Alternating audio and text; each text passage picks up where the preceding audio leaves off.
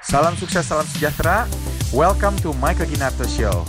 Saya Michael Ginarto dan setiap minggu saya menyajikan kepada Anda orang yang menginspirasi atau pesan yang menginspirasi untuk membantu Anda meraih kesuksesan dalam hidup Anda. Terima kasih untuk waktu Anda. Mari kita mulai.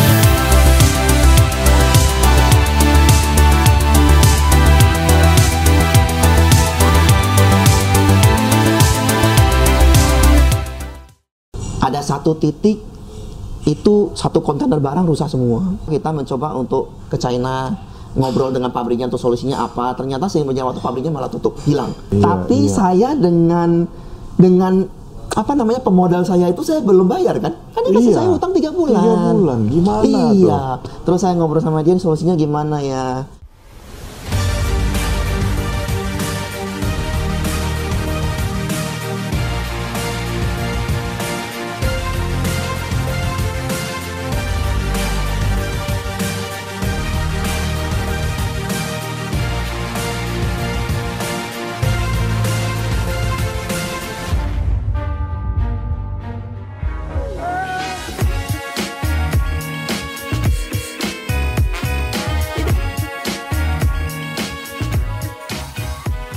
Sukses, salam sejahtera. Kembali lagi bersama saya Michael Ginarto. Di mana setiap hari Jumat saya menayangkan orang-orang hebat, pakar-pakar di dalam industrinya, pengusaha-pengusaha hebat untuk apa? Memberikan Anda inspirasi, memberikan Anda kiat-kiat sukses mereka dan juga memberikan teman-teman semua gimana caranya untuk uh, hidup Anda bisa lebih sukses, bisnisnya lebih menguntungkan, dan juga business hack tips, right from the expert. So, hari ini adalah hari yang super istimewa. Kenapa? Kita kedatangan tamu yang luar biasa, yaitu Pak Agus Salim, CEO dan juga pendiri salah satu, if not the biggest, ya, the biggest accessories uh, company, ya, telecommunication accessories company in the whole country in Indonesia. Thank so, you. welcome to the Thank you, show. Michael. yes, thank you banget nih sudah Thank you juga waktunya. sudah diundang. Ya, kita hari ini mau belajar tentang brand yang sudah tak asing Hmm. lagi di marketplace yaitu Hippo. Ya. Nah Hippo ini saya sudah baca nih, Hmm. ya dan juga sudah banyak tanya teman-teman. Ini tuh merek udah terkenal, thank terlanjur terkenal. Kenapa? Karena sejak tahun 98 sampai hari ini makin berkibar Hmm. dan juga uh, nggak ada habis-habisnya berinovasi dan juga memberikan promo-promo yang menarik, mengeluarkan uh, produk juga yang boleh dibilang menjadi market leader. Thank you. Nah, thank you. kalau boleh cerita sedikit tentang yourself Mhm. dan gimana idenya bisa bangun uh, Hippo pada tahun 98. Oke, Ah, thank you Michael Siap. sudah diundang di tempat ini. Eh, saya akan coba share aja pengalaman apa yang saya jalankan selama ini. Eh, saya latar belakangnya dari keluarga itu dari Bagan Siap Yati, ya eh, lahirnya dari di kota Medan. Jadi saya sekolah itu di kota Medan sampai SMA. Tamat SMA itu tahun 97 saya merantau ke Jakarta. Nah, pada saat itu Papa kebetulan masih ada, cuma ketika saya sampai ke Jakarta nggak lama, nggak nyampe setahun, Papa meninggal, jadi memang tinggal saya sendiri sama Mama. Nah pada saat itu segala sesuatu dimulai dari nol, ya. Eh, mungkin kita nggak pernah kepikiran apa yang bisa terjadi dalam hidup kita. Saya mulai menjadi seorang sales freelance di tahun 98 lah. 98 saya mulai jadi sales freelance menjual eh, aksesoris aksesoris handphone gitu. Nah, akhirnya sampai setelah lewat kerusuhan 99 itu awalnya itu saya mencoba untuk memberanikan diri untuk buka toko di Mangga 2 dan saya masih ingat banget itu posisinya itu di belakang banget. Di tempat orang jadikan tempat gudang deh. Iya, karena modal iya, kita iya, juga iya, nggak ada iya, kan. iya. jadi eh, sewanya itu 7 juta setahun. Kita coba untuk mulai dari nol memberanikan diri.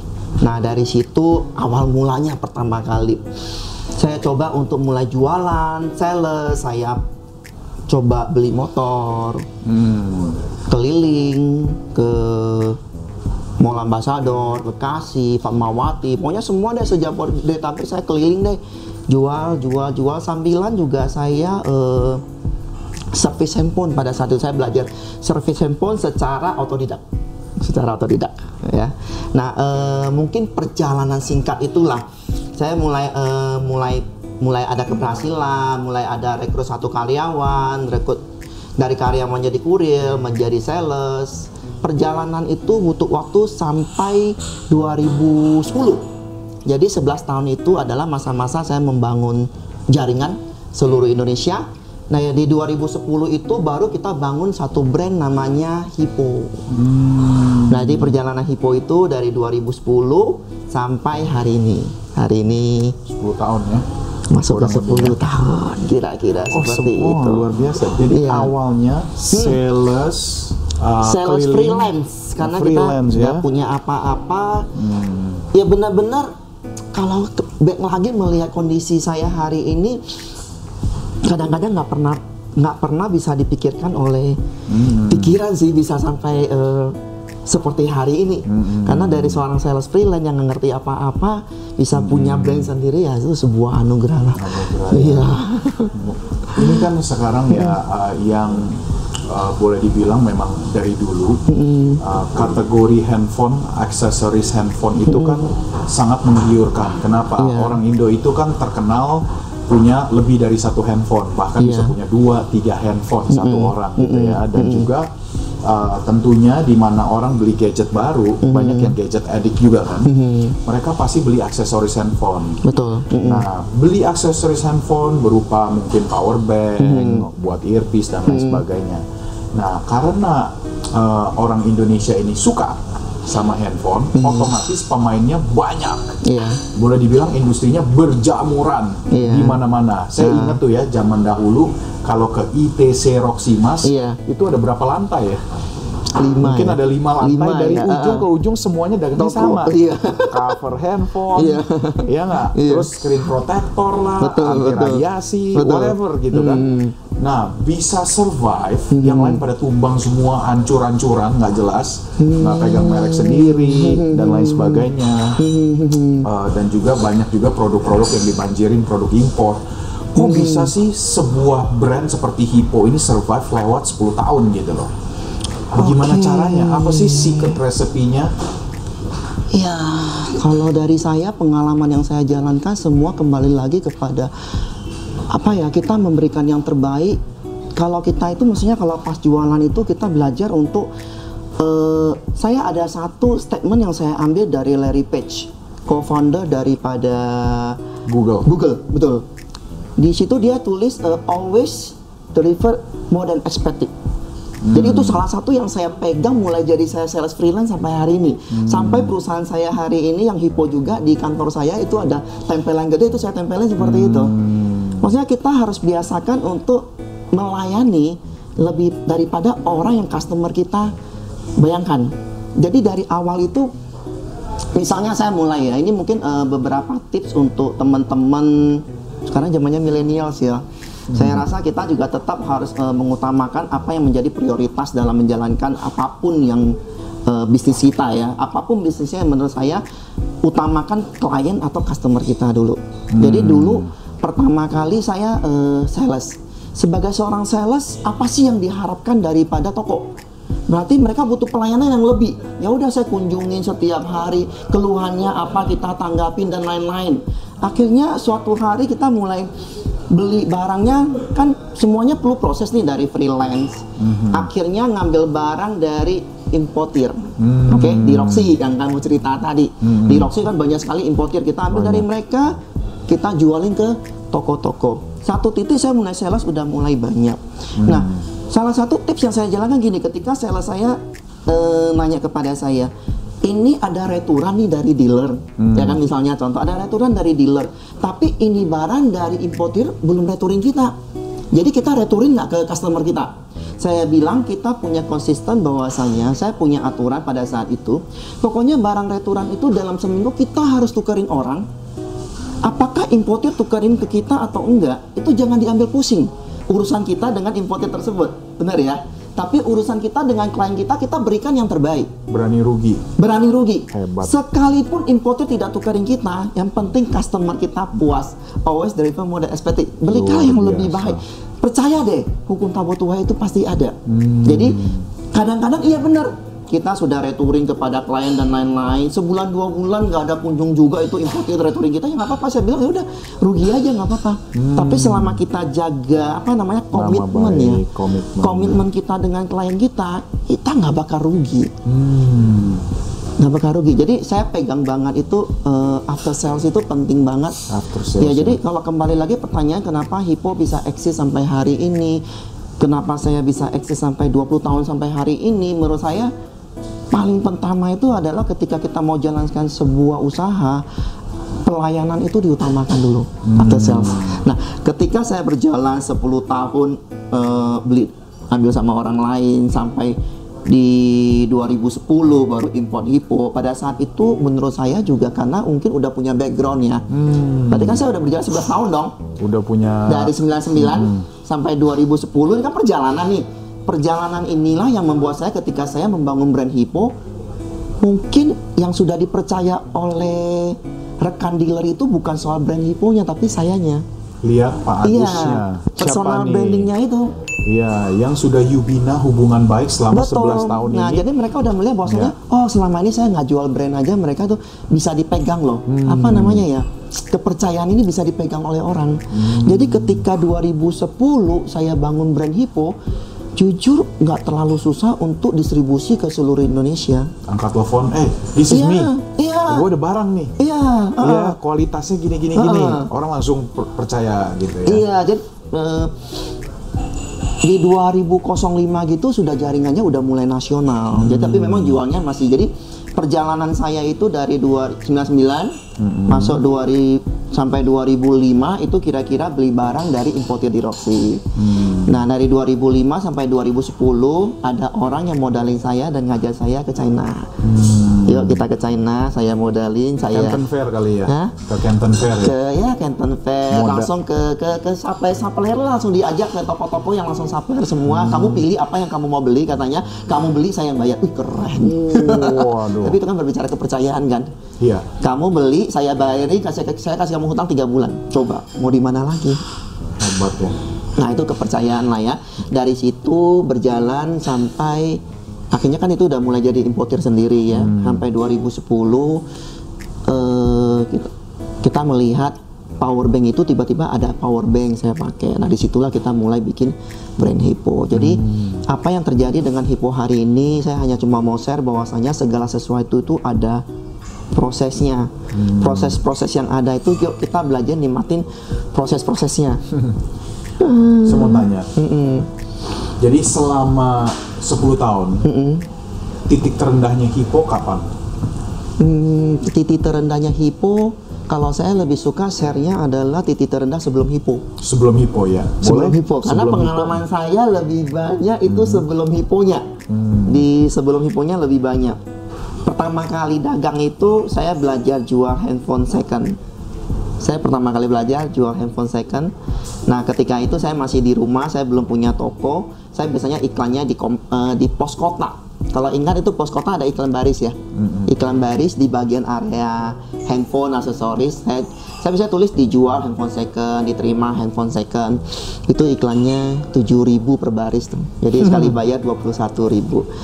Eh, jadi saya jual handphone second. Nah pada saat itu saya ketik eh, ada tulisan dijual handphone second, ada customer mau beli dong.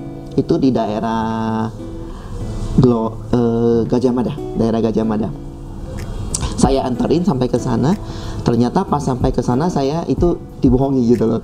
Jadi dia bilang istri saya lagi hamil di lantai dua. Jadi saya mau kasih lihat nih handphonenya ke istri saya lihat Hmm. gitu ya udah karena kita masih lugu-lugu pada saat itu belum ngerti Percaya aja bisnis ya, kasih belum dia. ngerti bisnis kan masih masih mulai kan baru Iya, pertama iya, kali iya. kan ya udah dia naik kan bener dia naik ke lantai ke lantai dua kan ya udah saya tungguin di bawah saya tunggu dikasih Iya kan dia bilang di lantai dua. Lantai dua itu tempat tinggalnya kosnya gitu loh. Eh, di bawah itu bakery, toko roti di bawah itu bakery. Jadi dia naik ke atas, katanya dia karyawan di sini, dia naik ke lantai dua, eh, istrinya tinggal di, di sana. Jadi istrinya lagi hamil katanya gitu. Oh, padahal namanya penipu paling pintar dah. Ya udah dia bawa nanti dia kasih istrinya lihat dulu, nanti istrinya lihat kalau dia cocok ya dia dia bayar katanya. Dia naik, saya tunggu-tunggu 5 menit, 10 menit nggak turun-turun, setengah jam nggak turun-turun. Ampun deh. udah mulai Oh keringetan. my Modal juga terbatas ini. Oh ya. modal terbatas Iya. banget itu pada saat itu saya masih ingat itu handphone Nokia pisang kalau masih ingat. Nokia pisang Iya, itu iya, lama iya. 110 secondnya sekitar 1,8 juta lah Waduh.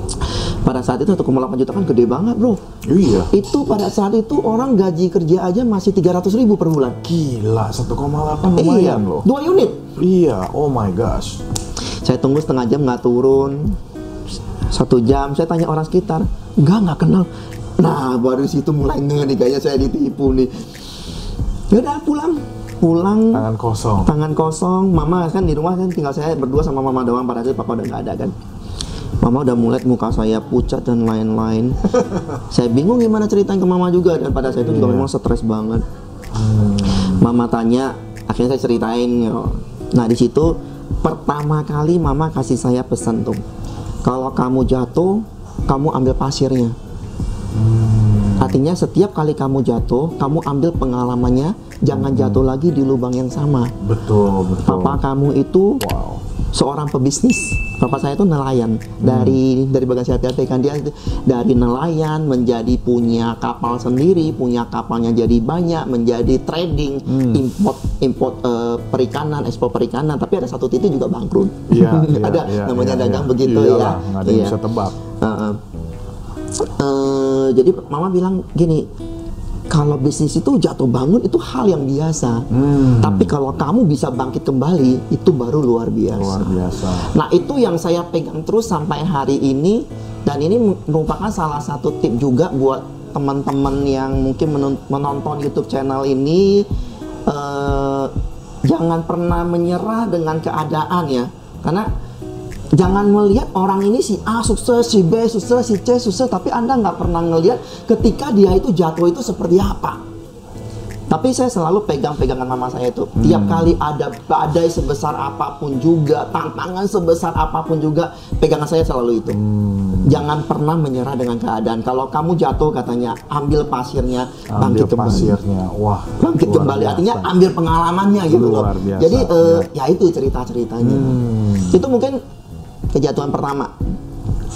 Kejatuhan kedua itu eh, ketika sudah mulai import dipercayakan, ya kan? Import dipercayakan, habis itu eh, ada satu titik itu satu kontainer barang rusak semua. Waduh. Itu udah kita udah udah import untuk tahun ketiga keempat lah. Nah satu kontainer barang rusak semua, kita mencoba untuk ke China ngobrol dengan pabriknya untuk solusinya apa. Ternyata sih waktu pabriknya malah tutup, hilang, hilang dari peredaran. Udah bayar lunas lagi ya? Eh, ya ampun. kalau bayar ke pabriknya udah lunas. Iya, iya, Tapi iya. saya dengan dengan apa namanya pemodal saya itu saya belum bayar kan? Kan dia kasih Iya. saya utang tiga bulan. Tiga bulan, gimana Iya. Terus saya ngobrol sama dia solusinya gimana ya? Ya tapi pikir-pikir ya ini memang tetap saya tetap harus lunasin lah. Iya. Jual Karena- ke customer merusak nama. Iya, jual customer ngerusak nama dan Iya. akhirnya saya pikir beberapa pesan yang dari mama selalu saya pegang itu apa namanya ya? hmm, apa itu? Kepercayaan itu sangat penting banget. Hmm. Kerugian itu itu bisa dicari, tapi kepercayaan itu yang nggak bisa dicari. Jadi saya konsisten, saya bilang saya tetap akan lunasin, kasih saya waktu, saya lunasin. Pelan-pelan saya lunasin. Padahal pada saat itu juga pegang duit nggak banyak sih, baru mulai, Iya. baru mulai mau naik, baru Iya. mulai mau enak. Betul. Tiba-tiba harus mengalami seperti itu. Akhirnya dengan tabungan yang ada ya saya harus Habis. keluarkan lagi satu persatu saya lunas. Lunasin itu sekitar Iya, tahun iya, 2000, 2005, 2006 lah sekitar. Wow. Eh, atau 2006, 2007 tuh. Nah itu itu kejatuhan lebih besar lagi tuh Berat itu. berat Iya, sekali. Tapi pegangan saya itu lagi. Hmm. Saya percaya bahwasanya selalu ada jalan. Yang penting, Iya, iya, iya. tau nggak kita masalah dalam kehidupan ini ya. Hmm. Yang paling penting itu ya jangan pernah hilang pengharapan. Hope. Hope. Kan sering kita lihat ya di apa namanya motivation suka lihat never lose hope. Hope, ya. Kita mungkin mm, sering melihat tulisan-tulisan yang ada di dalam motivasi begini-begini, tapi mempraktekannya itu yang susah. Nggak gampang. Dan saya selalu berusaha untuk saya nggak mau ambil semuanya karena kita belum tentu bisa menjalankan semuanya. Belajar ambil beberapa yang menurut kamu itu cocok dengan diri kamu. Kita coba jalankan. Misalnya yang pertama, ketika saya lihat Page tulis gitu, always deliver more than expected. Saya bilang ini cocok banget dengan saya. Dari saya dulu zaman sales, saya belum tahu tuh Page tulis begitu, belum. Saya baru tahu 2010-an ke atas tuh. Tapi saya lihat ini saya banget nih. Udah dari dari malah. zamannya saya jadi freelance itu saya udah iya. saya banget. Terus saya mulai import udah saya banget. 2010 ketika mau bikin hipo saya tanamkan. Ini salah satu yang saya akan tanamkan karena sesuai dengan apa namanya eh, kita punya passion. Nah itu lebih gampang kita jalankan. Terus yang kedua adalah never lose hope. Jangan pernah hilang pengharapan. Kita lihat kayak kondisi sekarang disruption itu mungkin di era industri 4.0 ini mungkin bagi kita pedagang ya, terutama peritel ya, tantangan yang sangat berat sekali ya. Tapi berat. tantangan yang paling berat itu bukan soal kondisinya sebenarnya. Kalau bagi saya ya, mungkin kita retail eh, mereka yang retail terutama yang langsung ke konsumen itu pasti eh, saat ini lagi cukup berat ya karena berat. kita harus akuin eh, market e-commerce itu memakan market itu sangat besar, ya dan kan? cepat. cepat, sangat cepat.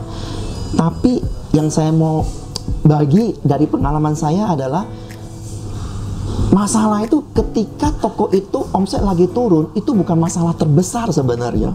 Apa masalah terbesar? Masalah terbesar adalah ketika Anda sebagai owner, pemilik daripada toko ini atau tiang daripada keluarga Anda, Anda hilang pengharapan. Hope. Kalau udah nggak ada harapan, Kalau kita udah hilang pengharapan, itu udah selesai begitu aja. Saya pernah ikut satu seminar. Pembicaranya itu satu orang yang udah cukup berumur sekitar 70-80 tahun dari Jerman. Dia salah satu eh, advisor untuk perusahaan-perusahaan mobil termewah di dunia ya, yang Eropa punya. Dan dia membawakan seminar ini menurut saya kena banget ke saya, powerful banget. Dia bilang gini, saya banyak meng-advise menjadi advisor atas perusahaan-perusahaan besar ini Iya. dan saya melihat masalah-masalah terbesar itu bukan sebenarnya adalah ketika perusahaan itu namanya naik turun itu sama mau perusahaan kecil besar naik turun itu hal yang Omset biasa turun, turun itu hal turun yang biasa. biasa. tapi masalah terbesar adalah ketika dia melihat ketika CEO-nya itu lose hope itu perusahaan itu sebenarnya pada saat itu udah titik mati katanya Game over. game over. Jadi bukan pada saat di titik revenue terendah, selama lu mau titik revenue sampai terendah pun juga namanya dagang ada saingan baru dan lain-lain dengan segala cara. Tapi kalau CEO-nya selalu bilang kita punya cara, pasti bisa. pasti bisa. Itu Hmm, itu yang bikin pengharapan terpenting. Itu untuk perusahaan raksasa ya. Iya, Jadi iya, ketika saya dapat itu Wah ini harus saya pegang seumur hidup saya nih saya Iya, bilang. iya, iya, Jadi iya, iya. kadang-kadang kita suka lihat motivation ini ya, tapi kita lihat kalau itu cocok dengan kita, kita ambil, kita praktekkan dalam kehidupan kita. Hmm. Betul. Saya kemarin sebelum hari ini nih, Mike, Hmm. kemarin malam, beda sehari doang. Barusan ada beberapa, kan sincian nih, kongsi-kongsian. Jadi ada beberapa rekan di dunia saya yang sama, Iya. ada yang dunia retail, ada yang dunia importir juga sama. Ngobrol datang ke rumah saya, ngobrol-ngobrol.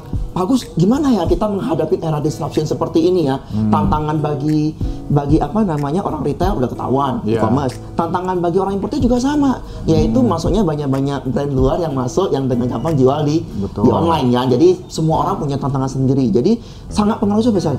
Eh, bagus menghadapinya gimana ya? Dia cerita sama saya, saya, saya, saya bilang sebenarnya yang kita hadapin sekarang ini sama. Dia bilang iya benar juga. Yang diperlukan sekarang cuma satu doang, semangat katanya. Dia bilang saya bilang pegangan itu aja. Betul. Kamu owner dari perusahaan ini kan? Iya, kalau kamu hilang pengharapan sebenarnya udah selesai. Iya. Tapi kalau kamu tetap berpegang bahwasanya pasti ada jalan, itu pasti ada jalan.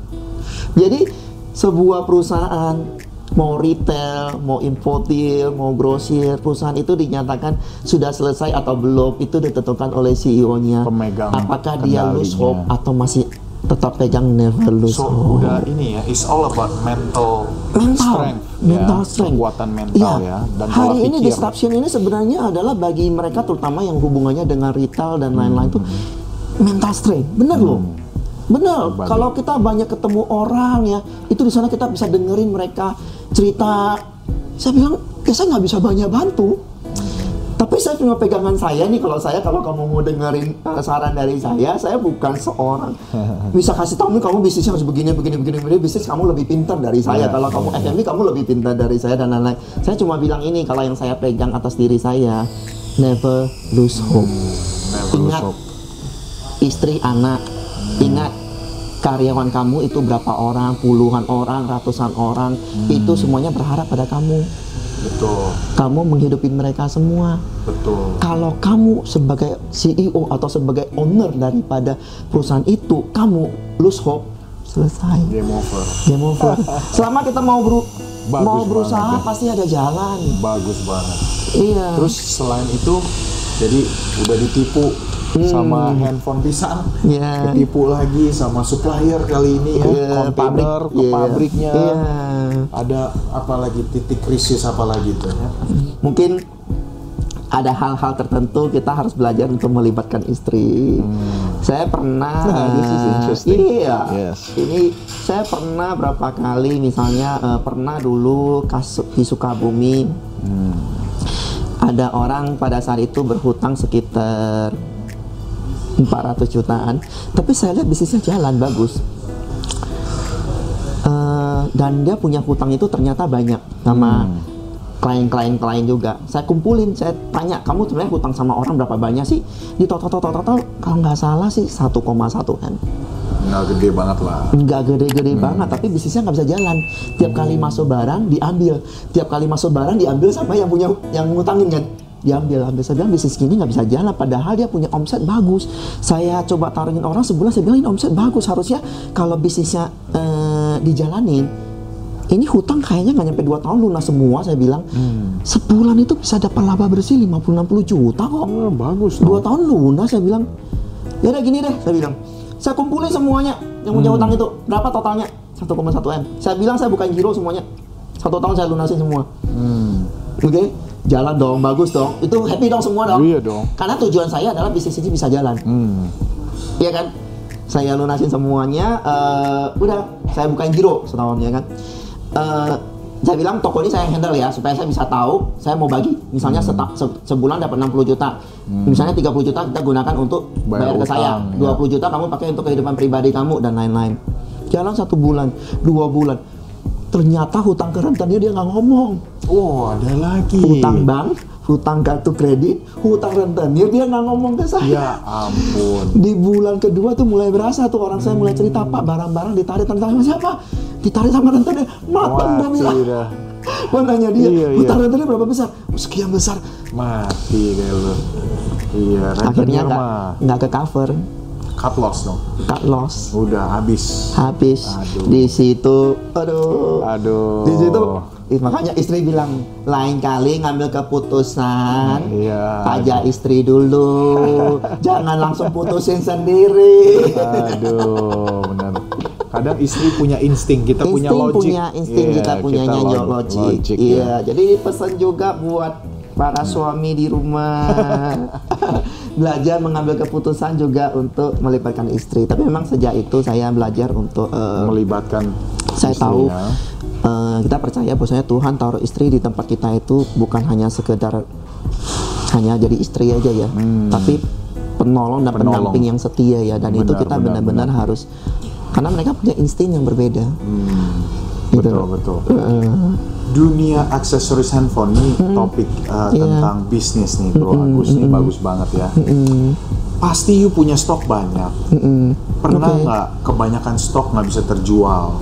Nah, apa yang you lakukan pada saat seperti itu? Oke, belajar dari pengalaman, makanya segala sesuatu itu saya belajar dari pengalaman dan lain-lain sehingga ketika menjalankan hipo ini sudah lebih gampangnya. Nggak ada namanya kalau orang masukin barang nggak ada overstock. Bullshit. Pasti ada. Iya, nggak benar, ada mau benar, perusahaan seraksasa. Sorry ya, apa brand-brand Iya. lain. Mau perusahaan apa pun juga pasti ada namanya yang overstock. Tapi Hmm. bagaimana saya suka nih, saya saya tanamkan di dalam diri saya merubah masalah menjadi peluang. Hmm. Jadi saya tanamkan ketika saya bangun Hipo sampai hari ini, bagaimana kita merubah masalah menjadi peluang. Iya. Overstock masalah bukan? Masalah. Sangat kan? Rubah itu menjadi peluang.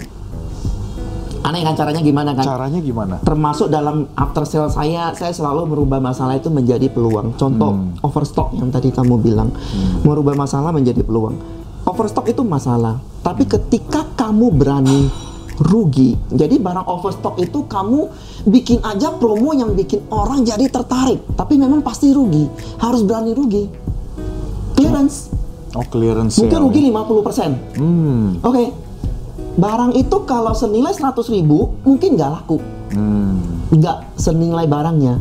Tapi ketika kamu turunin menjadi 50.000 ribu, dia berubah menjadi kacang goreng. Hmm. Maksudnya, jadi jadi dari masalah menjadi peluang apa? Kadang-kadang kita dagang itu perlu barang kacang goreng, Betul.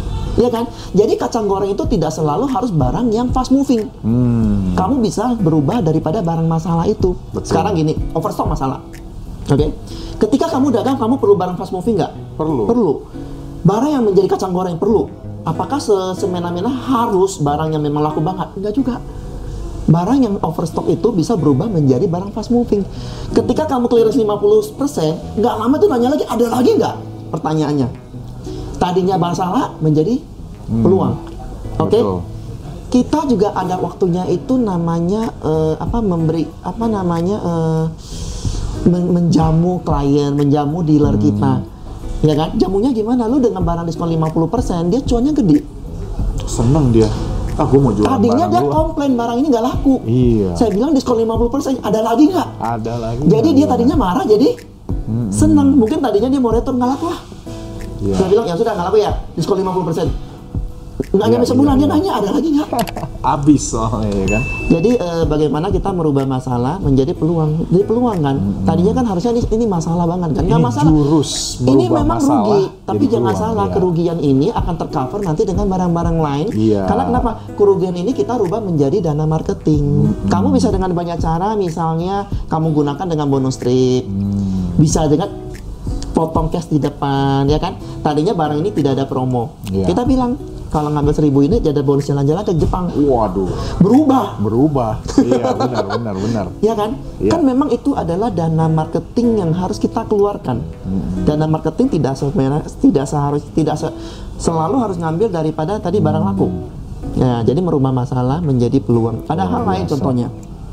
After sales. Orang selalu paling takut itu kalau setelah jual barang, eh, paling takut itu, aduh rusak nanti customer balik lagi. Karena dulu saya sebelum bikin hipo itu kan saya jual barang- barang-barang yang mungkin eh, ya tadi ya import-import dari China itu kan banyak banget tuh, ya non brand yang dengan kualitas yang kadang-kadang nggak jelas banget gitu kan. Tapi setelah belajar dari sana saya bilang ini masalah kalau barang-barang returan gini dealer pasti komplain. Tapi bagaimana cara komplainan dia dia menjadi senang. Saya rubah eh, di dalam Hippo saya ada kasih garansinya namanya garansi eh, full damage covered yaitu garansi rusak tukar baru kondisi apa pun juga termasuk jatuh hancur kamu kena air masuk ke kolam misalnya kamu beli nih Nggak sengaja Brother masuk ke Mike, kolam. iya nggak Iya. sengaja masuk ke kolam kolam renang Iya. kalau produk Hippo itu semuanya garansinya ditukar baru Berapa hari?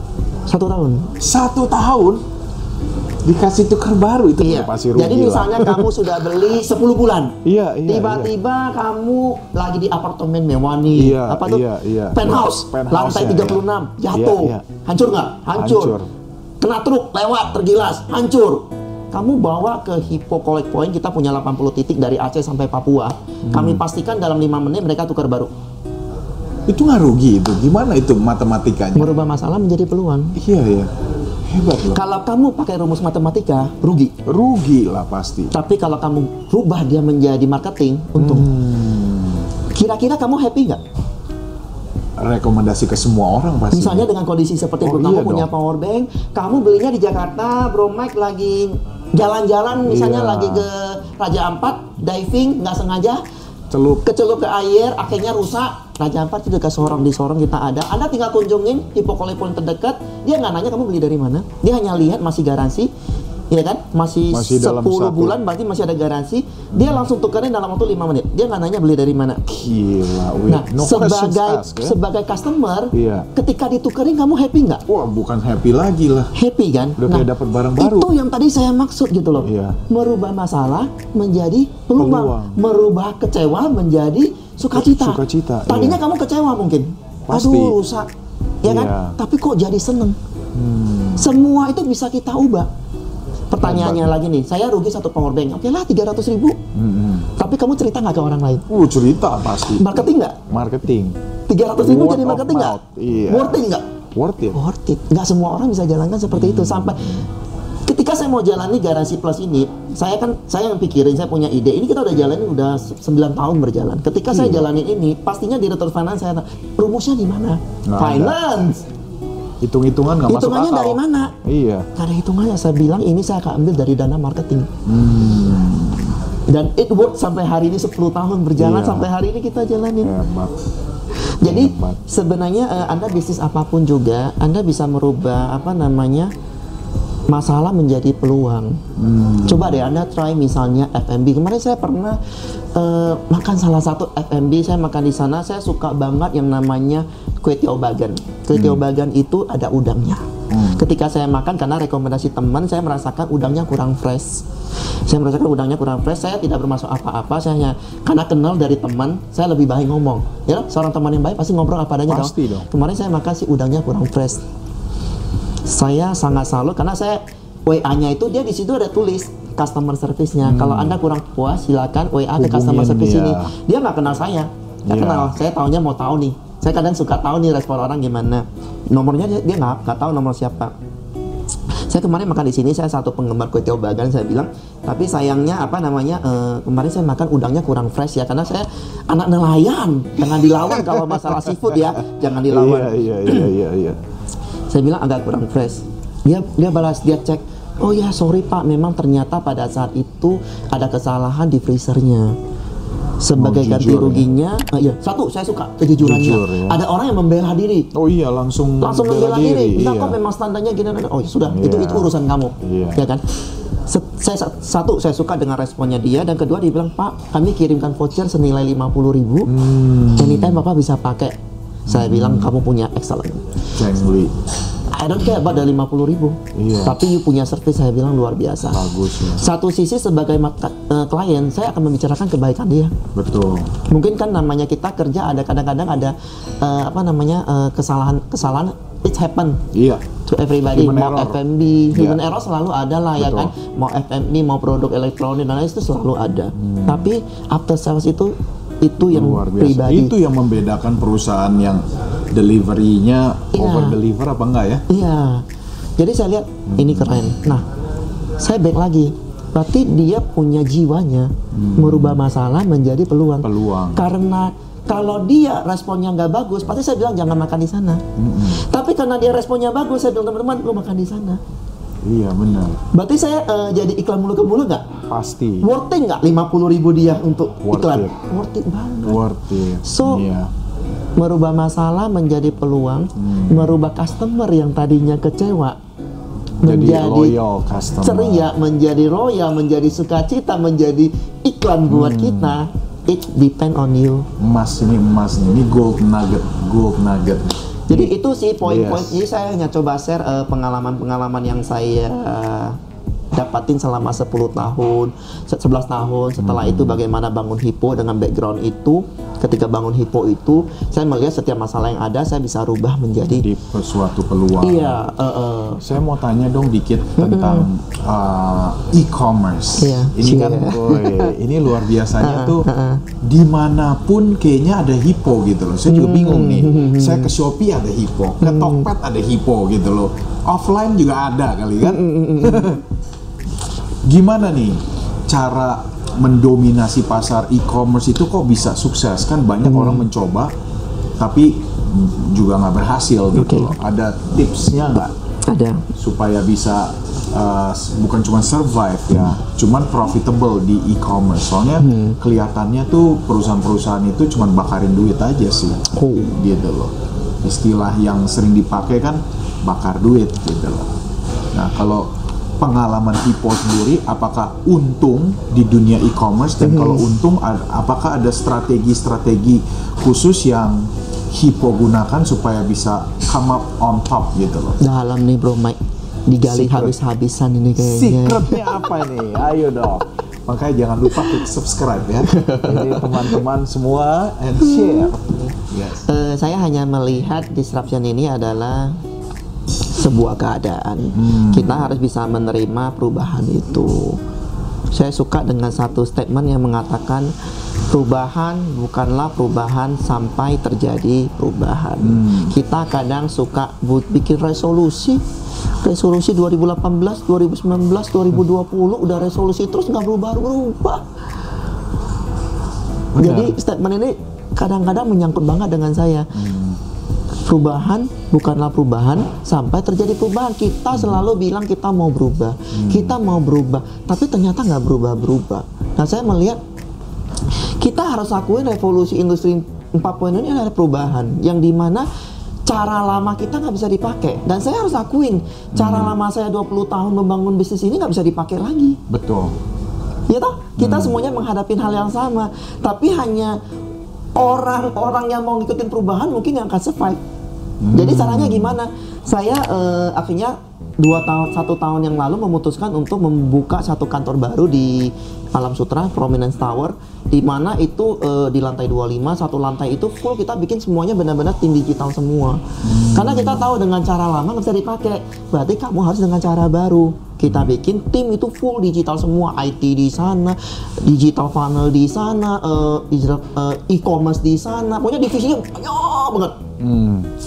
Enak nggak? Eh nggak enak, you know?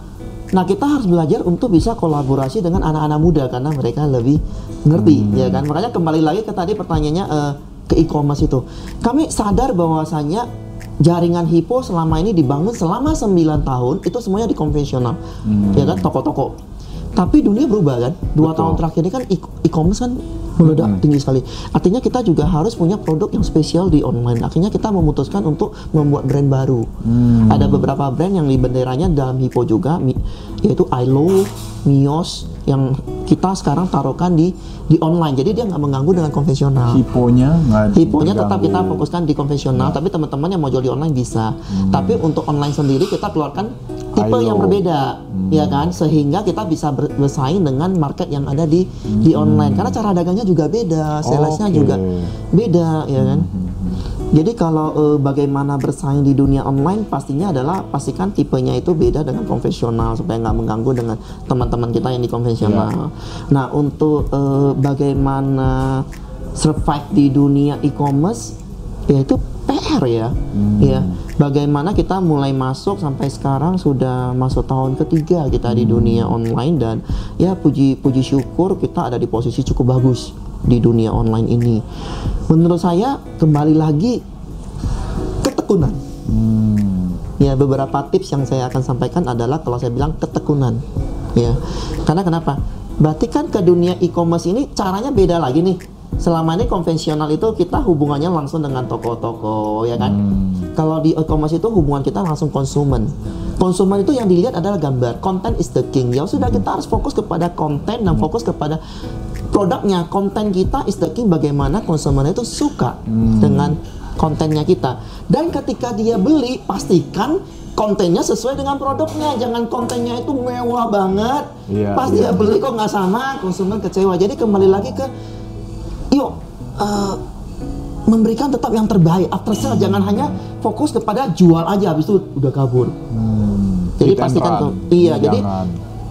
ketekunan itu penting banget. Jadi di dunia e-commerce kita belajar banyak hal lah, bagaimana membuat konten, bagaimana memastikan setelah dia beli dia puas, karena di review ya. kan Iya. produk-produk bagus yang di e-commerce ini nanti ya produk-produk bagus yang akan bertahan. Karena kalau kita hanya sekedar kick and run, hilang. Karena kenapa run benaran? Soalnya nanti komennya pasti jelek-jelek. Review. Apakah apakah pakai influencer? Apakah Influencer pakai, itu, uh, yes. contohnya media yang media cetak dan juga media online yang memberikan suatu uh, Semua. promosi terhadap Semua. brand itu semua Jadi ya. iya kalau kita eh, sekarang masuk dunia industri dunia digital ini kita berbicara kita banyak harus belajar bela- banyak baru, oke? Benar-benar memahami apa itu namanya content is the king, oke? Hmm. Ba- Benar-benar mem- memahami apa maunya konsumen itu, produknya harus terbaik, oke? Hmm. Kita harus belajar tekun untuk selalu meeting meeting bulanan dengan marketplace-nya, misalnya dengan Tokopedia atau Shopee dan lain-lain. Hmm. Ya. Kita harus rutin meeting dengan mereka Dikasih update soalnya ya. belajar terus. Hmm. Nah itu yang saya bilang ketekunan. Karena cara lama kita tidak bisa dipakai Iya. di sini. Cara lama kita kan tadi yang tadi dunia konvensional. Sedangkan ini sesuatu yang baru. Artinya meskipun saya udah pengalaman 20 tahun, saya harus sadar bahwasanya di dunia e-commerce ini saya baby. Mulai lagi dari nol. Harus mau belajar, learn from zero lagi dan harus rajin ketemuan dengan mereka, belajar, belajar. Nah, di dunia ini ternyata yang harus belajar banyak. Tadi kan kamu nanya lagi, Iya. pakai influencer nggak sih? Pakai KOL nggak sih? Pakai. Pakai. Makanya tim di dunia digital ini kita banyak. Tim yang spesialis berbicara langsung dengan e-commerce-nya itu timnya sendiri. Tim yang spesialis berhubungan dengan influencer, KOL, YouTuber itu timnya namanya kita namanya tim Agency. Markom. Oh, Markom mar- untuk sosial media. Oh. Itu timnya berdiri sendiri In-house. lagi. In-house saya semuanya in-house. Hebat loh.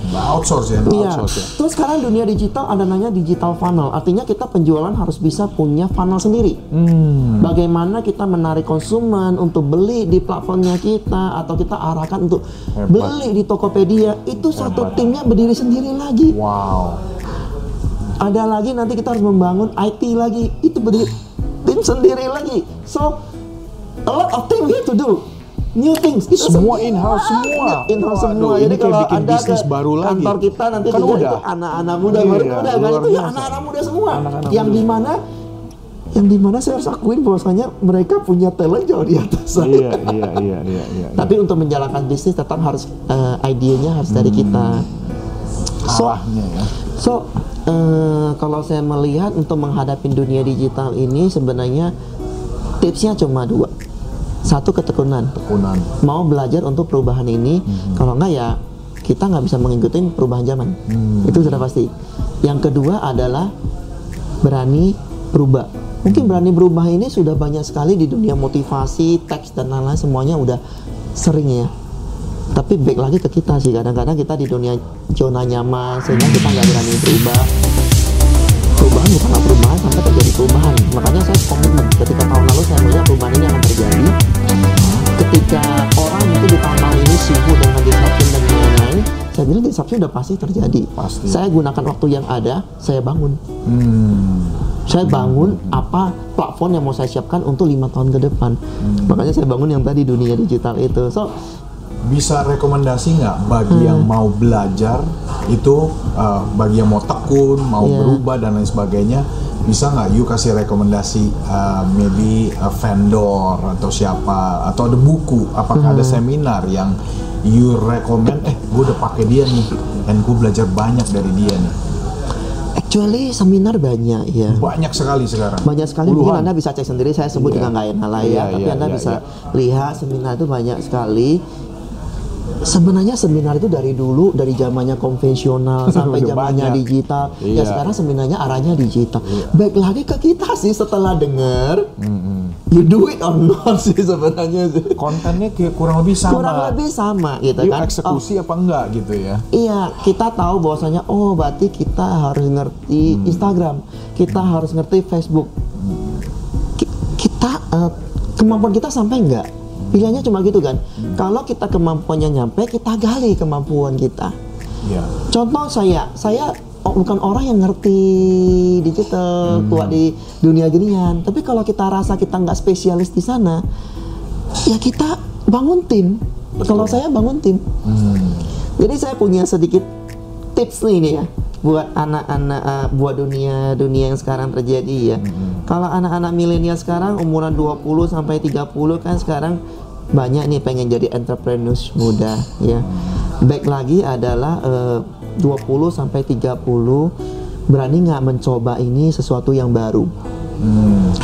Kal- karena selama Anda 20 sampai 30 Anda jatuh nggak ada salahnya. Oke.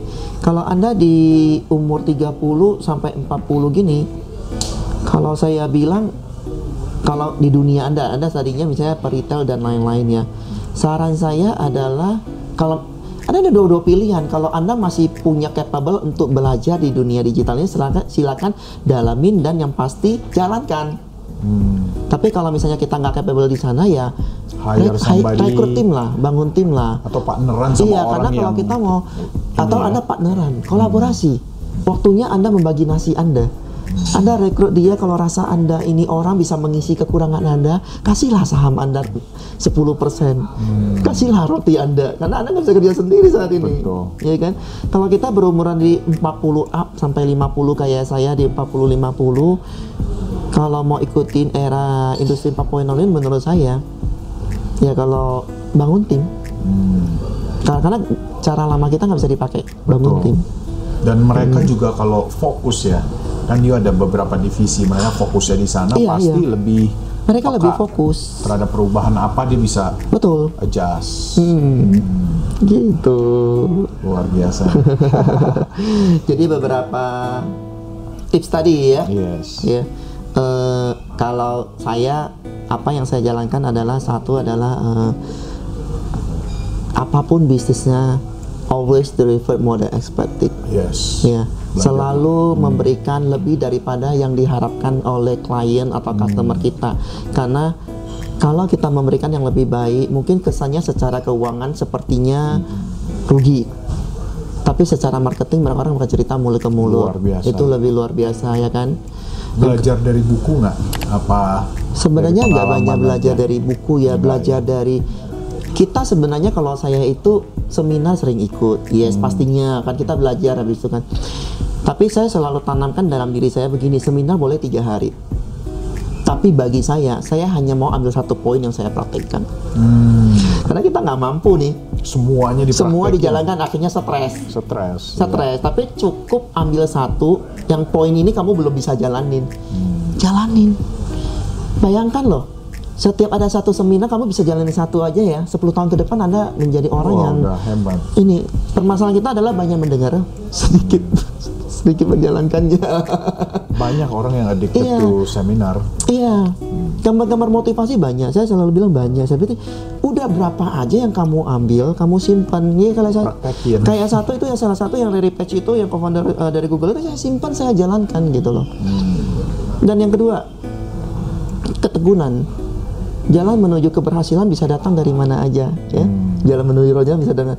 Tapi ketekunan ingat deh, ketekunan datang dari diri sendiri. Nggak ada yang bisa merubah ketekunan Bro Mike. Hmm, Nggak bisa bro, siapa bilang bro lu harus lebih tekun ya? Nggak bisa bro. harus dari dalam diri kita nggak sendiri. bisa, orang tua kita aja nggak bisa. Nggak bisa. Kita harus biasanya dalam manusia jeleknya sana. Diomongin biasanya memberontak. malah nggak dilakuin. Kita- makanya, iya. makanya saya suka bilang eh, jalan menuju keberhasilan banyak, Hmm. tapi ketekunan itu datang dari sendiri-sendiri. Betul. Jadi sebenarnya keberhasilan itu sudah ditaruh di dalam diri kita nih, ya kan? Hmm. Betul. Pastikan kita memberikan after sale yang terbaik. Yang kedua, tekun. Ketekunan itu datang dari sini kita. Selama kita tekun, Pasti pasti, benih yang jalan. kita tabur itu pasti nanti tuai kok. Cuma waktunya kita nggak tahu. Tiga tahun, lima tahun, 10 tahun, Nobody knows. nobody knows. Hmm. Itu ketetungan datang dari diri sendiri. Dan yang ketiga adalah eh, never lose hope. Never lose hope jangan dijadikan sebuah statement, tapi dijalankan. Kita sekarang di era di- disruption ini banyak yang datang ngobrol sama saya gimana ya dan lain-lain. Ya saya bilang pegang itu jangan pernah menyerah. Jangan pernah menyerah. Itu aja pegangannya pasti ada jalan. Pasti ada jalan. Pasti ada jalan. Luar. Never lose hope ya. Itu sih beberapa poin-poin penting sih. Apa rencana untuk Hippo ke depannya? Hahaha, tunggu. Woi. Tunggu kabar selanjutnya. Kita punya plan yang cukup besar Iya. di 2020 ini, tapi Iya. hmm, tunggu. Masih- nanti kita masih sampaikan. ya? Iya, Wah, kita akan umumkan secara resmi nanti di semua media Iya. resminya akan kita umumkan nantinya. Bagus ya. Mm. Wah, thank you banget nih untuk sharingnya. Saya Iya. saya belajar ya, itu seorang founder as yourself ini luar biasa banget. Thank you sama-sama. Uh, sebenarnya dari dari segalanya dari perbicaraan saya dengan Bro Agus hari ini yang saya petik itu uh, kompetensi bisa dibentuk tapi karakter uh, mental uh, strength ya kekuatan mental dan lain sebagainya itu melampaui kompetensi Yes. dari segi membangun nama baik, integritas, dan juga menjaga kepercayaan orang itu melampaui kapasitas pekerja, masalah teknis dan lain sebagainya. Bener nggak? Boleh boleh bilang gitu nggak? Sangat setuju. Ya, jadi ya mungkin dari segi uh, kita harus jadi orang dulu sebelum kita mau berusaha. Ya karena memang benar juga kata Bro Agus saya setuju bahwa rezeki itu bisa datang dari mana aja dari perjalanan kita iya. kan? Dan selama kita masih menabur benih kebaikan pasti kita akan menuai. Cuman dengan waktunya Tuhan siapa yang Iya. bisa tahu? Betul, setuju. bisa hari ini nanam besok petik bisa. Atau mungkin Iya. 10 tahun lagi lima Iya. tahun lagi. Cuman uh, apa pun yang kita tabur pasti kita tuai Setuju. jadi wah saya sangat amat bersyukur nih kita hari ini ketemu. Saya pastikan nih ya teman-teman semua ada sesi kedua dan ketiga sama. Bro Agus ini. Karena beliau ada ada sesuatu yang dia rencanakan tahun ini yang akan meledak. Dan saya nggak bisa ngomong ini masih top secret, so I'm not gonna say it. Uh, saya pastikan ada sesi kedua dan ketiga nih, to be Sip. continued nih. Oke. Cuman ya saya seneng banget ya bagi saya mau share nih sama teman-teman Ya, yang hmm. nonton. Saya pengen anda komen dong ya, tanya Bro Agus langsung nih. Kalau ada pertanyaan bisa juga uh, like and follow dia punya Instagram. Instagramnya apa alamatnya? Hmm, Agus Salim Gimana ini? Dia nggak hafal alamat IG-nya sendiri. Cuman aktif di IG apa Facebook? eh IG Facebook dodonya agus.salim 9000 Oh, 9.000 Nanti ada di ya. bawahnya, iya. Oh iya, Iya. iya. ada di bawahnya. Titik Salim 9000 Iya. ya. Jadi ya bisa tanya langsung dan juga uh, share ya Se- Iya. karena saya pribadi juga banyak memetik uh, pelajaran-pelajaran yang Thank ini you. sebenarnya mahalnya bukan main nih, cuman generosity-nya Bro Agus mau sharing bagi teman-teman semua dan saya berharap you subscribe to this channel and also follow Bro Agus Thank you. jika ada lagi yang mau ditanya langsung komen below and please click subscribe. Saya juga mau bilang thank you nih kemarin Ya, pas Imlek. Uh, ini benar banget nih ya teman-teman bukannya promosiin, tapi dia benar-benar menghidupi apa yang dia bicarakan tentang over deliver. Saya dikasih hadiah Imlek dari Hippo. Dia mengeluarkan produk yang luar biasa ini. Ini adalah uh, hands free TWS ya Ya. True Wireless ya uh, wireless ini Iya. is free dikasih engraving lagi ada nama saya Michael Ginarto ini benar-benar yang tadinya nggak mau beli jadi Ya. pengen beli gitu ya. Pengen rekomendasiin ke semua orang. Jadi benar-benar over deliver banget Hmm, dan setiap kali kita bikin acara Bro Agus selalu support. Jadi ya Sama-sama. uh, jangan lupa juga subscribe juga and follow uh, Bro Agus punya Hippo apa official Hippo apa? Hippo official.id Ya. ada lagi eh, Hippo Elite Hippo Hippo Elite, Elite ya. itu khusus produk premium daripada Hippo ya Yes, sama seperti ini. Hippo Airmotion ini Yes. ini harganya di 899.000 Wow. dan dengan kualitas yang Anda bisa Luar dapatkan yang biasa. sangat luar biasa. Ini sih boleh dibilang murah karena Yap. ini ada chargernya juga, jadi nggak mungkin kita kehabisan ya. iya Habis pakai lama bisa Iya. ngecas, sebentar langsung bisa pakai lagi. yes bisa seharian itu Bisa seharian dan desainnya unik banget, bisa di carry gini. Jadi keren banget, it fits in your pocket juga. kamu dapat tulisannya apa di sini karena Blessing. beda-beda blessing oke blessing di Iya. dalamnya. Wah keren banget. Ini ini keren banget. Thank you so much ya. Yes, yes, yes. Saya dikasih terus nih Agus jadi. ya. So thank you banget Bro Agus and uh, thank you thank you thank you wow. untuk acaranya semoga yang It's been a memberkati pleasure. It's been a pleasure. Oke. So teman-teman jangan lupa klik subscribe, follow Agus titik Salim 9000 and juga uh, sampai di sini uh, pembicaraan kita. Salam sukses, salam sejahtera.